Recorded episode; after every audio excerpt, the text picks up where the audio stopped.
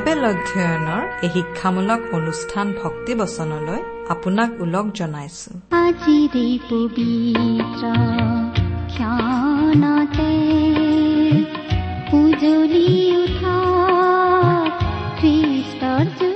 প্ৰিয় শ্ৰোতা আমাৰে সৈতে আজিৰ এই অনুষ্ঠান শুনিবলৈ বহাৰ বাবে আপোনালৈ অশেষ ধন্যবাদ। আপোনাৰ দৰে শ্ৰোতাই আমাক সদায় প্ৰেৰণা যোগায়। এই অনুষ্ঠানটিৰ যোগেৰে আমি আপোনাক লগ পাই থাকিলে আমি বৰ উৎসাহ পাওঁ আমি মানুহ সঁচাকৈ ইজনে আনজনৰ সম্পৰ্কত থাকি বৰ ভাল পোৱা প্ৰাণী। ঈশ্বৰো আমাৰ লগত থাকি বৰ ভাল পায়। সেয়েহে যীশুখ্ৰীষ্টৰ ৰূপেৰে আহি আমাৰ লগত অৰ্থাৎ মানুহৰ লগত বসতি কৰিলে। তেওঁৰ আন এটা নাম ইমানুৱেল অৰ্থাৎ আমাৰ লগত ঈশ্বৰ মানুহৰ লগত ঈশ্বৰ। মানুহ যেন সদায় ঈশ্বৰৰ লগত আৰু ঈশ্বৰ যেন সদায় মানুহৰ লগত থাকিব পাৰে তাৰ বাবে যি বলিদানৰ কাৰ্যৰ প্ৰয়োজন আছিল তাকেই সিদ্ধ কৰিবলৈ প্ৰভু যীশু এই পৃথিৱীলৈ আহিছিল। ঈশ্বৰে মানুহৰ লগত থাকিব বিচাৰে। ভাবিলেই ভাল লাগে নহয়নে এই সময়ত ঈশ্বৰ আপোনাৰ মোৰ লগত আছে। আপুনি যাতে কেতিয়াও অকলশৰীয়া অনুভৱ নকৰে। ঈশ্বৰ আপোনাৰ লগত। ইয়াতকৈ ভাল সংগ পৃথিৱীত কি হ'ব পাৰে? এই লগৰীয়া ঈশ্বৰৰ বিষয়ে অধিককৈ জানিবলৈ আহক। আজিৰ ভক্তিবচন অনুষ্ঠান শুনো।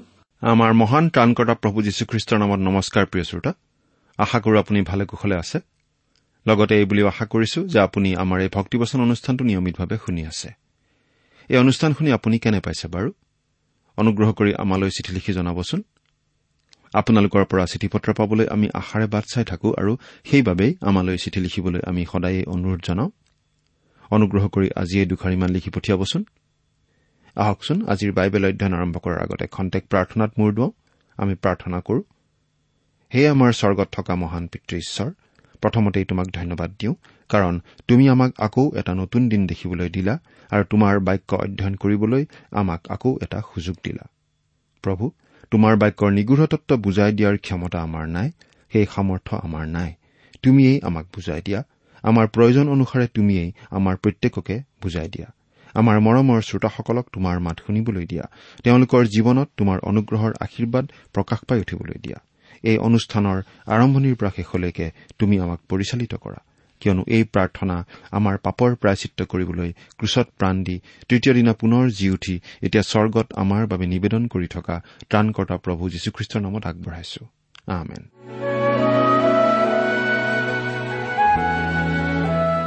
প্ৰিয় শ্ৰোতা আপুনি আমাৰ এই ভক্তিবচন অনুষ্ঠানটো যদি নিয়মিতভাৱে শুনি আছে আৰু যদিহে আমাৰ যোৱা অনুষ্ঠানটো শুনিছিল।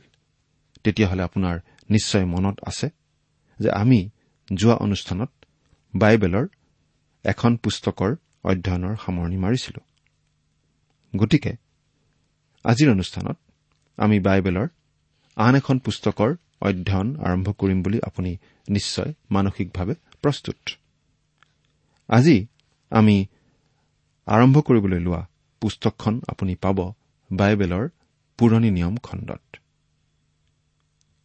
পুস্তকখনৰ নাম হৈছে জিৰিমিয়া ভাৱবাদীৰ পুস্তক। এই জিৰিমিয়া পুস্তকৰ লিখকৰ লগত প্ৰথমতে আমি চিনাকি হৈ ল'ম আৰু তাৰ পাছত এক নম্বৰ অধ্যায়ৰ এক নম্বৰ পদৰ পৰা শেষলৈকে আলোচনা কৰিম। প্ৰথমতে আমি জিৰিমিয়া পুস্তকৰ লিখক জিৰিমিয়াৰ লগত অলপ চিনাকি হৈ লওঁ হওক। জিৰিমিয়া পুস্তকৰ লিখক। জিৰিমিয়া ভাৱবাদী নিজেই। তেওঁক ভগ্ন হৃদয়ৰ ভাৱবাদী বুলি জনা যায়। বাইবেলৰ আটাইকেইখন পুস্তকৰেই বিশেষ বিশেষ বৈশিষ্ট্য আছে। তথাপিতো জিৰিমিয়া পুস্তকৰ বৈশিষ্ট্য মন কৰিবলগীয়া। কাৰণ আন আন পুস্তকৰ লিখকসকলৰ পৰিচয় গুপুত হৈ থাকে। বা প্ৰকাশ কৰা নহয়।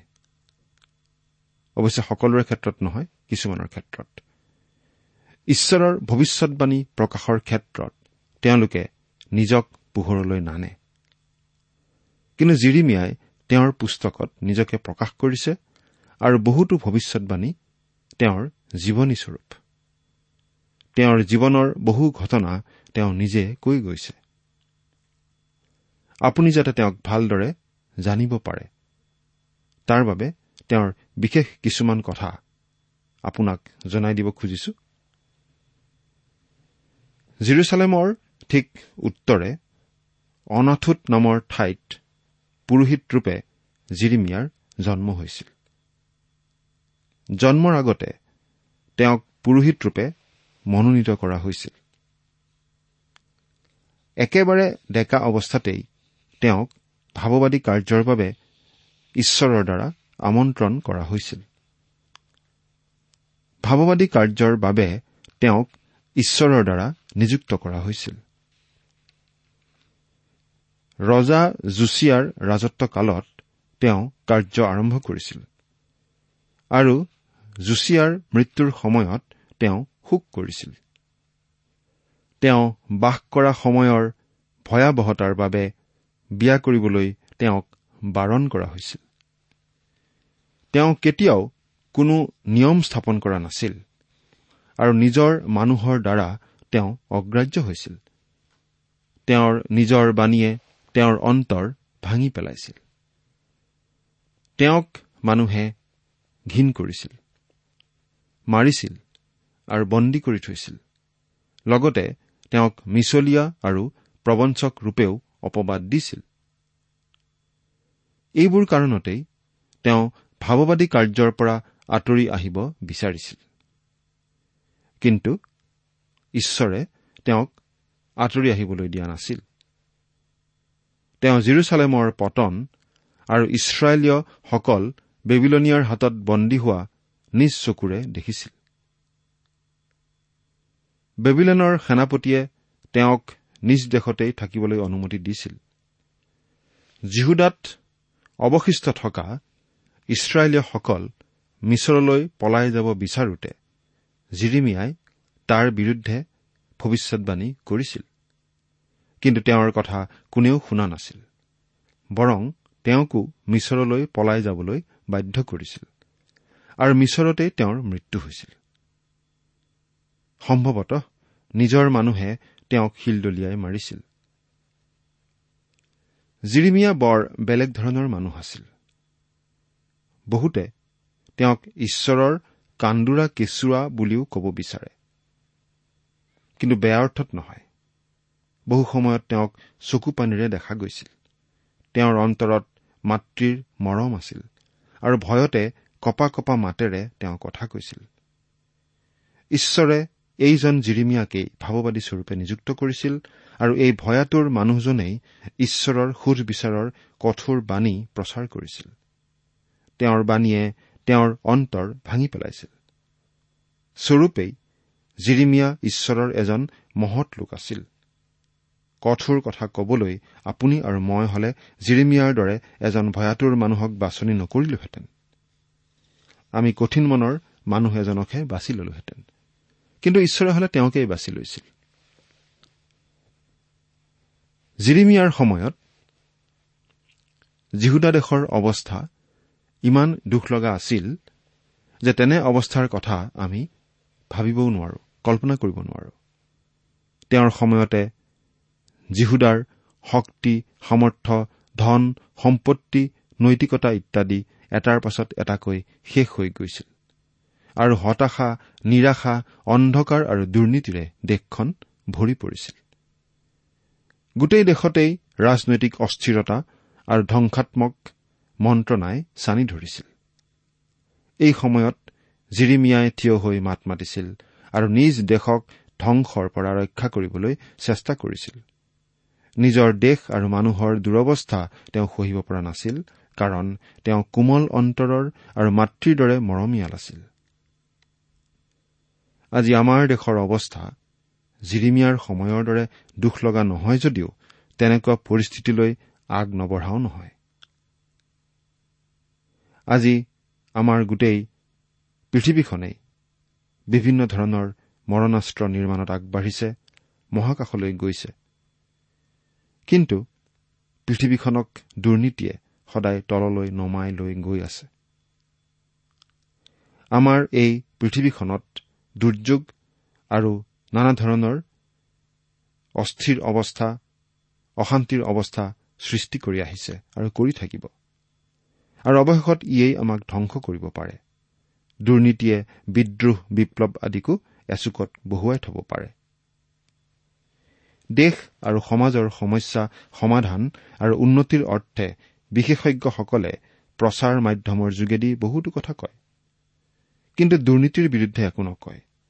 দেশৰ কথাত আজি ঈশ্বৰক একাষৰীয়াকৈ থাকিবলৈ দিয়া হৈছে। ঈশ্বৰৰ পৰামৰ্শ আজি কোনেও নিবিচৰা হৈছে। এইফালৰ পৰা চালে জিৰিমিয়াৰ সময়ৰ অৱস্থা আৰু আজি আমাৰ সমাজৰ অৱস্থাও একেই বুলিব লাগিব। এইকাৰণে আজি আমাৰ দেশে আৰু দেশবাসীয়ে জিৰিমিয়াৰ কথালৈ কাণ দিব লাগে। আন এজন পণ্ডিতৰ মতে জিৰিমিয়া ভাৱবাদী এলিয়া ভাৱবাদীৰ দৰে শক্তিশালী নাছিল। তেওঁ জিচয়াৰ দৰে বাকপটু নাছিল আৰু জিহিচকেলৰ দৰে অতি মনোমোহা নাছিল। কিন্তু তেওঁ সদায় ভয়াতুৰ আতংকিত নিঃসহায়ৰ প্ৰতি সজাগ সহানুভূতিৰ বাবে আকুল আৰু মৰম কি বস্তু তাক নজনা লোক আছিল। এইজন জিৰিমিয়ালৈ আহিছিল ঈশ্বৰৰ বাক্য দেশৰ অতি দুৰ্যোগৰ সময়ত। প্ৰভু যীশু যেতিয়া এই পৃথিৱীত আছিল তেতিয়া তেওঁ শিষ্যসকলক সুধিছিল যে মানুহবিলাকে তেওঁ কোন বুলি ভাবে। তেতিয়া শিষ্যসকলে উত্তৰ দিছিল যে কোনোৱে তেওঁক জোহন বাপ্তাইজক কোনোৱে এলিয়া আন কিছুমানে জিৰিমিয়া নাইবা ভাৱবাদীসকলৰ মাজৰ এজন বুলি ভাবে। যীশুক জিৰিমিয়াৰ দৰে বুলি ভবাৰ কাৰণ আছে। জিৰিমিয়াৰ দৰে যীশুখ্ৰীষ্টইও শোকাকুল আৰু দুখিত আছিল। কিন্তু পাৰ্থক্য এইটোৱেই যে জিৰিমিয়া নিজৰ বাবে আৰু প্ৰভু যীশু জগতৰ মানুহৰ বাবে দুখিত আছিল। দুখ কষ্টত অতিষ্ঠ হৈ জিৰিমিয়াই এবাৰ ঈশ্বৰক কৈছিল যে তেওঁ হেনো ভাবুক্তি প্ৰচাৰৰ কাম আৰু কৰিব নোৱাৰে। এই কামে তেওঁক একেবাৰে জৰাজীৰ্ণ কৰি পেলাইছে আৰু তেওঁক অব্যাহতি দি আন এজনক নিযুক্তি দিয়ক। ঈশ্বৰে তেওঁৰ কথাটো মনত ৰাখিম বুলি কৈছিল কিন্তু তেওঁক অব্যাহতি দিয়া নাছিল আৰু আন এজনকো নিযুক্তি দিয়া নাছিল। কিন্তু যদি ইচ্ছা হয় তেন্তে ভাৱবাদীৰ দায়িত্ব ল'বলৈ পুনৰ ঘূৰি আহিব পাৰে বুলি কৈছিল। অৱশ্যে জিৰিমিয়া পুনৰ ঈশ্বৰৰ ওচৰলৈ উভতি আহিছিল আৰু কৈছিল যে ঈশ্বৰৰ বাক্য তেওঁৰ হাড়ৰ মাজত জুইৰ নিচিনা আৰু সেই বাক্য তেওঁ প্ৰচাৰ কৰিবই লাগিব। সেইকাৰণে ঈশ্বৰৰ বাক্য প্ৰচাৰত তেওঁ ভাঙি পৰিছিল যদিও তাক তেওঁ নকৰাকৈও থকা নাছিল। ঈশ্বৰেও আচলতে তেনেকুৱা মানুহকেই বিচাৰিছিল। আৰু ঈশ্বৰে ইছৰাইলৰ সন্তানসকলক বন্দী কৰাত যে তেওঁ মনত দুখ পাইছিল।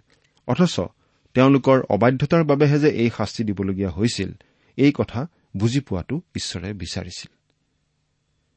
মন কৰিবলগীয়া কথা যে জিচয়াৰ প্ৰায় এশ বছৰ পাছত জিৰিমিয়াই পৰিচৰ্যা আৰম্ভ কৰিছিল। তেওঁ জুচিয়াৰ গোটেই ৰাজত্ব কালকে লৈ জিহুদীয়া বাবিলনৰ হাতত বন্দী হোৱালৈকে পৰিচৰ্যা কৰিছিল। ইছৰাইলীয়সকল বাবিলনত সত্তৰ বছৰ বন্দী হৈ থাকিব বুলি তেওঁৱেই ভৱিষ্যৎবাণী কৰিছিল আৰু তাৰ পাছত তেওঁলোকে যে পোহৰ দেখা পাব সেই কথাও তেওঁৱেই কৈছিল। এনে কথা কোনো ভাৱবাদীয়ে ক'ব পৰা নাছিল। সেই সময়ত জিৰিমিয়াৰ বাণীসমূহ ইছৰাইলৰ বাবে একেবাৰে অবাঞ্ছিত আছিল আৰু তেওঁলোকে গ্ৰহণ কৰা নাছিল। বৰং তেওঁলোকেই তেওঁক প্ৰবঞ্চক আৰু মিছলীয়া পাতিছিল। ইয়াৰ আগতেও যীচয়ায়ো তেওঁলোকক সাৱধান কৰি দিছিল কিন্তু সেই কথাও তেওঁলোকে পাহৰিছিল। যি কি নহওক জিৰিমিয়া পিছ হুহকি যোৱাৰ ওপৰত বিশেষ কথা কৈছে আৰু বেবিলনে তেওঁৰ বাণীত প্ৰাধান্য লাভ কৰিছে। আৰু যি নহওক এতিয়া আমি এই জিৰিমিয়া পুস্তকখনৰ এক নম্বৰ অধ্যায়ৰ আলোচনালৈ আগবাঢ়ো হওক আৰু এই অধ্যায়টিৰ মূল বিষয় হৈছে ৰজা আহজৰ ৰাজত্ব কালত ভাৱবাদীৰ আমন্ত্ৰণ। এই অধ্যায়টিয়ে প্ৰথম চমুৱেলৰ পৰা দ্বিতীয় বংশাৱলীলৈ আগুৰি থকা ঐতিহাসিক পুস্তকৰ ভাৱবাদীসকলক বুজাত সহায় কৰিব। এতিয়া আমি এক আৰু দুই নম্বৰ পদ দুটা পাঠ কৰি দিছো। জিৰিমিয়া এক নম্বৰ অধ্যায়ৰ এক আৰু দুই নম্বৰ পদ। ইয়াত এনেদৰে লিখা আছে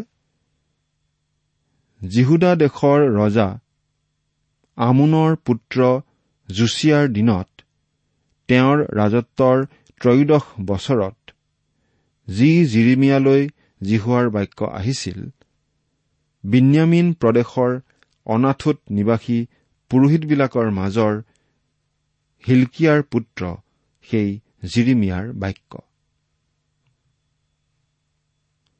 জিৰিমিয়াৰ পিতৃ আছিল হিচকিয়া আৰু তেওঁ প্ৰধান পুৰোহিত আছিল। জুচিয়াৰ সময়ত তেওঁ বিধান পুস্তকখন দেখা পাইছিল। ঈশ্বৰে মুচিৰ যোগেদি দিয়া বিধানৰ বুজ বিচাৰে জুচিয়াৰ ৰাজত্বকালত নতুন জাগৰণৰ সূচনা কৰিছিল। আচলতে পুনৰ জাগৰণ মানুহৰ দ্বাৰা নহয় কিন্তু ঈশ্বৰৰ বাক্যৰ দ্বাৰাহে মানুহৰ মাজলৈ আম্মিক পুনৰ জাগৰণ আহে। পুনৰ জাগৰণ মানুহৰ মাজত হয় কিন্তু ঈশ্বৰৰ বাক্যই মানুহৰ মাজলৈ সেই পুনৰ জাগৰণ আনে। যি কি নহওক এই পুনৰ জাগৰণ আৰু ফলাফলৰ বিৱৰণ আমি দ্বিতীয় ৰাজাৱলী বাইশ নম্বৰ অধ্যায় আৰু দ্বিতীয় বংশাৱলী চৌত্ৰিশ নম্বৰ অধ্যায়ত পঢ়িবলৈ পাওঁ। জুচিয়া আঠ বছৰ বয়সত ৰাজপাতত বহিছিল আৰু একত্ৰিশ বছৰ ৰাজত্ব কৰিছিল। জুচিয়াৰ বিছ বছৰ বয়সত জিৰিমিয়াই পৰিচৰ্যাৰ কাম আৰম্ভ কৰিছিল। আৰু তেওঁৰো বয়স প্ৰায় বিছ বছৰ আছিল। গতিকে দুয়োজন ডেকা আৰু সম্ভৱতঃ বন্ধুও আছিল। জুচিয়াই এটা বৰ ডাঙৰ ভুল কাম কৰিছিল আৰু সেইটো আছিল তেওঁ মিছৰৰ ফৰৌনৰ বিৰুদ্ধে যুদ্ধ কৰিবলৈ গৈছিল। কিন্তু ফৰৌনে জিহুদাৰ বিৰুদ্ধে যুদ্ধ কৰিবলৈ অহা নাছিল। সেই যুদ্ধতেই জুচিয়াক বধ কৰা হৈছিল আৰু তেওঁৰ মৃত্যুত জিৰিমিয়াই শোক কৰিছিল। কাৰণ জুচিয়া এজন ভাল ৰজা আছিল। তেওঁৰ সময়ত হোৱা এই পুনৰ জাগৰণটো বৰ ডাঙৰ পুনৰ জাগৰণ আছিল। জুচিয়াৰ মৃত্যুৰ পাছত জিৰিমিয়াই দেখা পাইছিল যে সেই জাতিলৈ এটা ভয়ানক অন্ধকাৰ নামি আহিব আৰু বেবিলনৰ হাতত বহুদিনলৈকে তেওঁলোক বন্দী হৈ থাকিব। পদ। জুচিয়াৰ পুত্ৰ জিহুদাৰ জিহুৱাকিম ৰজাৰ দিনত আৰু জুচিয়াৰ পুত্ৰ জিহুদাৰ চিডিকিয়া ৰজাৰ ৰাজত্বৰ একাদশ বছৰৰ শেষলৈকে পঞ্চম মাহত জিৰচালেমক দেশান্তৰলৈ নিয়ালৈকে তেওঁৰ ওচৰলৈ জিহুৱাৰ বাক্য আহি আছিল। বাবিলনৰ ৰজা নবুখত নেজৰে জিহুদা আক্ৰমণ কৰি তাৰ প্ৰায় মানুহকেই বন্দী কৰি লৈ গৈছিল কিন্তু জিৰিমিয়াক নিজ দেশত থাকিবলৈ অনুমতি দিছিল। আৰু তেওঁৰ কথা শুনিবলৈ আৰু একো অনিষ্ট নকৰিবলৈ সেনাপতিক নিৰ্দেশ দিছিল। জিৰিমিয়াই অৱশিষ্ট থকা ইছৰাইলীয়সকলৰ লগত জিহুদাতেই থাকিবলৈ ইচ্ছা কৰিছিল। কিন্তু তেওঁলোকে জিৰিমিয়াৰ কথা নুশুনি মিছৰলৈ গৈছিল আৰু লগতে তেওঁকো যাবলৈ বাধ্য কৰিছিল। মিছৰতো তেওঁ ঈশ্বৰৰ বাণী সততাৰে প্ৰচাৰ কৰি আছিল। চাৰি আৰু পাঁচ নম্বৰ পদ। জিহুৱাৰ বাক্য মোৰ ওচৰলৈ আহিল। বোলে উদৰত তোমাক নিৰ্মাণ কৰাৰ পূৰ্বেই মই তোমাক জানিলো আৰু তুমি গৰ্ভৰ পৰা বাহিৰ হোৱাৰ পূৰ্বেই মই তোমাক পবিত্ৰ কৰিলো। মই তোমাক জাতিবিলাকৰ গুৰিত ভাৱবাদী কৰি নিযুক্ত কৰিলো। ঈশ্বৰৰ বাক্য জিৰিমিয়ালৈ আহিছিল কিন্তু কেনেকৈ আহিছিল তাক আমি বুজাব নোৱাৰো। অৱশ্যে যি যি আহিছিল সেই সকলো তেওঁ আমাৰ বাবে লিখি থৈ গৈছে। ঈশ্বৰে কৈছে যে তেওঁ মাতৃৰ গৰ্ভত স্থিতি লোৱাৰ পূৰ্বেই তেওঁক জানিছিল আৰু ভূমিষ্ঠ হোৱাৰ আগতেই পবিত্ৰ কৰিছিল যাতে তেওঁ জিহুদাৰ লোকসকলক ঈশ্বৰৰ বাক্য ক'ব পাৰে। ঈশ্বৰে কৈছিল মোৰ কাৰ্যৰ বাবে তোমাক জন্মতেই মই পৃথক কৰিলো। গতিকে মোৰ কথা তুমি প্ৰচাৰ কৰা আৰু তাৰ বাবে কি হয় তালৈ মন কাণ নিদিবা। তুমি মাত্ৰ প্ৰচাৰ কৰা। জিৰিমিয়ায়ো ঈশ্বৰৰ বাধ্য হৈ তেওঁৰ বাণীহে প্ৰচাৰ কৰি গৈছিল। আজি ঈশ্বৰেও আমাক জিৰিমিয়াৰ দৰে হোৱাটোৱেই বিচাৰিছে। আমি ঈশ্বৰৰ প্ৰতি দায়বদ্ধ হ'ব লাগে আৰু তেওঁৰ কথা ভাজ নিদিয়াকৈ প্ৰচাৰ কৰিব লাগে। ছয় নম্বৰ পদ শুনিবচোন। তাতে মই কলো হাই হাই প্ৰভু ঈশ্বৰ মই কথা ক'ব নাজানো কিয়নো মই ল'ৰা মানুহ। আপুনি বাৰু মন কৰিছেনে প্ৰিয় শ্ৰোতা? যিয়ে নিজকে অযোগ্য বুলি ভাবে ঈশ্বৰে তেওঁকেই ব্যৱহাৰ কৰে। আপুনি যদি নিজকে বৰ যোগ্য বুলি ভাবে তেন্তে ঈশ্বৰে আপোনাক ব্যৱহাৰ নকৰিবও পাৰে। ঈশ্বৰে জগতৰ দুৰ্বলকহে ব্যৱহাৰ কৰে। কিন্তু জিহুৱাই মোক কলে মই ল'ৰা মানুহ এনে কথা নকবা। কিয়নো মই তোমাক যিবিলাকৰ ওচৰলৈ পঠাম তেওঁবিলাকৰ গুৰিলৈ তুমি যাবা। আৰু তোমাক যি যি আজ্ঞা কৰিম সেই সকলোকে কবা। আজিকালি বেছি কথা ক'ব পৰা পালকৰ মণ্ডলী কিছুমানত মানুহৰ সংখ্যা দিনক দিনে কমি যাব লাগিছে। আৰু আনহাতে সহজ সৰল পালকৰ মণ্ডলীত মানুহৰ ভিৰ বেছি হ'ব ধৰিছে। ইয়াৰ কাৰণ হ'ল ক'ব পৰাজনে যি কয় তাক তেওঁ নিজে বিশ্বাস নকৰে। তেওঁ কয় মই ভাবো ঈশ্বৰে এইদৰে কৈছে। কিন্তু ঈশ্বৰে কৈছে মই তোমাক যি কবলৈ কৈছো তাকেই কোৱা। জিৰিমিয়াই ঠিক ঈশ্বৰে কবলৈ কোৱা কথাকেই কৈছিল। আঠ নম্বৰ পদ। তেওঁবিলাকলৈ ভয় নকৰিবা। কিয়নো জিহুৱাই কৈছে তোমাৰ উদ্ধাৰৰ অৰ্থে মই তোমাৰ লগত আছো। প্ৰিয় শ্ৰোতা ঈশ্বৰে জিৰিমিয়াক কৈছিল ভয় নকৰিবা আৰু মানুহৰ মুখলৈ নাচাবা। সাহসেৰে মোৰ বাক্য প্ৰচাৰ কৰা। সংকটৰ কালত উদ্ধাৰ কৰিবলৈ মই তোমাৰ লগতে আছো। ঈশ্বৰে এই কথা আজি আমাকো কৈ আছে। আমি যদি মানুহক ভয় নকৰি সাহস আৰু অধিকাৰেৰে তেওঁৰ বাক্য প্ৰচাৰ কৰো তেন্তে তেওঁ আমাৰ লগে লগে আছে। পদ। পাছে জিহুৱাই নিজ হাত মেলি মোৰ মুখ স্পৰ্শ কৰিলে আৰু জিহুৱাই মোক কলে চোৱা মই মোৰ বাক্য তোমাৰ মুখত দিলো। চাওক আপুনি যদি ভাবে যে ঈশ্বৰৰ বাক্য জিৰিমিয়ালৈ কেনেকৈ আহিছিল এইটোৱেই তাৰ উত্তৰ। আচলতে ঈশ্বৰৰ নিশ্বাসিত বাক্য মানুহলৈ এইদৰে আহিছিল। অৱশ্যে আজিকালি বিভিন্ন ভাষাত বাইবেল ছপা হৈছে। এইবিলাক নিশ্বাসিত বাক্যৰ ভাঙনি। ই অনুবাদ বুলি আমি ক'ব নোৱাৰো। তথাপিতো ভাঙনি হলেও যিমান পৰা যায় ভাঙনি সঠিক আৰু শুদ্ধ হোৱা উচিত। পদ। চোৱা উঘালিবলৈ আৰু ভাঙিবলৈ বিনষ্ট কৰিবলৈ আৰু উৎপাত কৰিবলৈ সাজিবলৈ আৰু ৰুবলৈ জাতিবিলাকৰ আৰু ৰাজ্যবিলাকৰ ওপৰত মই আজি তোমাক নিযুক্ত কৰিলো। প্ৰিয় শ্ৰোতা জিৰিমিয়াই জুচিয়া জিহুৱাকিম জিহুৱাহজ জিহুৱাখিন আৰু জিডিকিয়াৰ ৰাজত্ব কালত ভাবুক্তি প্ৰচাৰ কৰিছিল। এই ৰজাসকলে জিৰচালেমৰ উন্নতিৰ অৰ্থে কিছুমান আঁচনি হাতত লৈছিল আৰু তাকে লৈ নিজে ব্যস্ত হোৱাৰ লগতে জনগণকো ব্যস্ত কৰিছিল। জিৰিমিয়াৰ কথা শুনিবলৈ কাৰো সময় নাছিল। কিন্তু সেই ৰজাসকলৰ মহৎ কামবোৰ ধ্বংস হল বৰং জিৰিমিয়াৰ বাক্য আজিলৈকে আছে। আৰু শেষলৈকে থাকিব। আজি আমিও জাগতিক বিষয়বোৰক লৈ ব্যস্ত হৈ পৰিছো। ঈশ্বৰৰ বাক্যলৈ মন দিবলৈ কাৰো সময় নাই। অতি দুখৰ কথা নহয়নে বাৰু? এঘাৰ নম্বৰ পদ। তাত বাজে জিহুৱাৰ বাক্য মোৰ ওচৰলৈ আহিল বোলে হে জিৰিমিয়া তুমি কি দেখিছা? তাতে মই কলো বাদাম গছৰ এটা ডাল দেখিছো।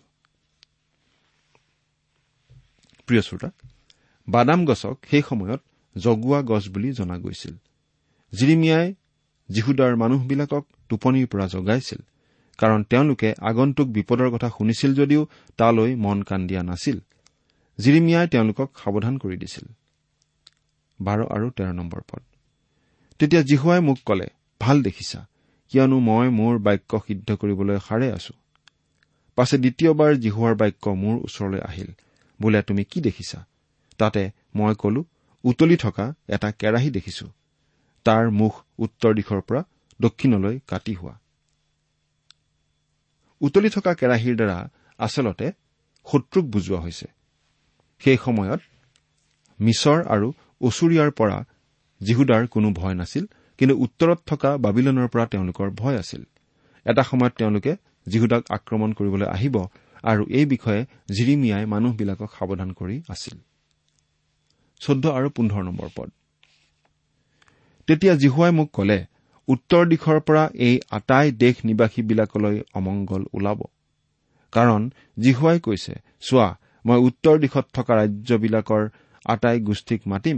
তাতে সিহঁতে আহি জিৰচালেমৰ দুৱাৰবোৰৰ সুমোৱা ঠাইত আৰু তাৰ চাৰিওফালে থকা গড়বোৰৰ সন্মুখত আৰু যীহুদাৰ আটাই নগৰবোৰৰ সন্মুখত নিজ নিজ সিংহাসন স্থাপন কৰিব। প্ৰিয় শ্ৰোতা জিৰিমিয়াৰ মাত্ৰ এক শতিকাৰ আগতেই ঈশ্বৰে জিৰচালেমক উদ্ধাৰ কৰিছিল। এইকাৰণে মিছা ভাওবাদীসকলে কৈ আছিল যে ঈশ্বৰে জিৰচালেমক আকৌ উদ্ধাৰ কৰিব। অকল জিৰিমিয়াইহে তেওঁলোকক আগন্তুক বিপদৰ বিষয়ে সাৱধান কৰি আছিল কিন্তু তেওঁৰ কথা কোনেও শুনা নাছিল। মানুহবিলাকে জিৰিমিয়াৰ কথা নুশুনাৰ কাৰণে তেওঁ বিৰক্তি পাই ঈশ্বৰৰ ওচৰত আপত্তি কৰিছিল কিন্তু ঈশ্বৰে কৈছিল তেওঁলোকে নুশুনিলেও তুমি মোৰ বাক্য কবই লাগিব গতিকে তোমাৰ মুখত মই যি বাক্য দিছো সেই বাক্য তুমি মানুহক কৈ থাকা।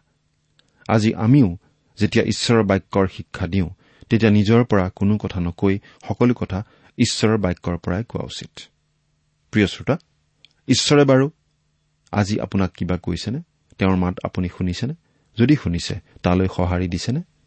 ঈশ্বৰ আপোনাৰ সহায় হওক।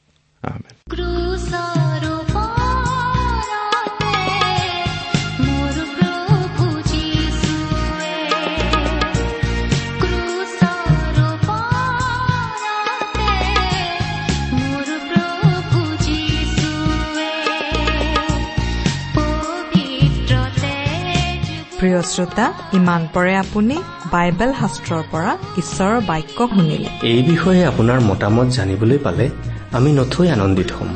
আমি প্ৰস্তুত কৰা বাইবেল অধ্যয়নৰ চিডিসমূহ পাব বিচাৰিলে আৰু অনুষ্ঠানত প্ৰচাৰ কৰা কোনো কথা বুজিব লগা থাকিলেও আমালৈ লিখক। আমাৰ যোগাযোগৰ ঠিকনা ভক্তিবচন ট্ৰান্সৱৰ্ল্ড ৰেডিঅ' ইণ্ডিয়া ডাক বাকচ নম্বৰ সাত শূন্য গুৱাহাটী সাত আঠ এক শূন্য শূন্য এক। ঠিকনাটো আকৌ এবাৰ কৈছো ভক্তিবচন ট্ৰান্সৱৰ্ল্ড ৰেডিঅ' ইণ্ডিয়া ডাক বাকচ নম্বৰ সাত শূন্য গুৱাহাটী সাত আঠ এক শূন্য শূন্য এক।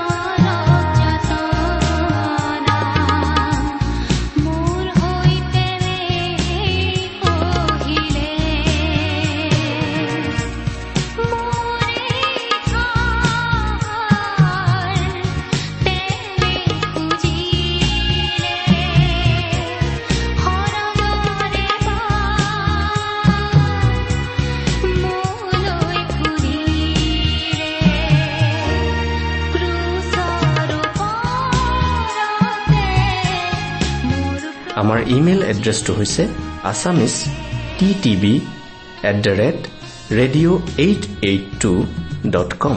আমাৰ website W W W dot T W R dot in. আপুনি টেলিফোনৰ মাধ্যমেৰেও আমাক যোগাযোগ কৰিব পাৰে।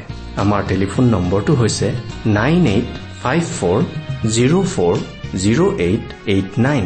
Phone নম্বৰটো আকৌ এবাৰ কৈছো ন আঠ পাঁচ চাৰি শূন্য চাৰি শূন্য আঠ। আঠ ন।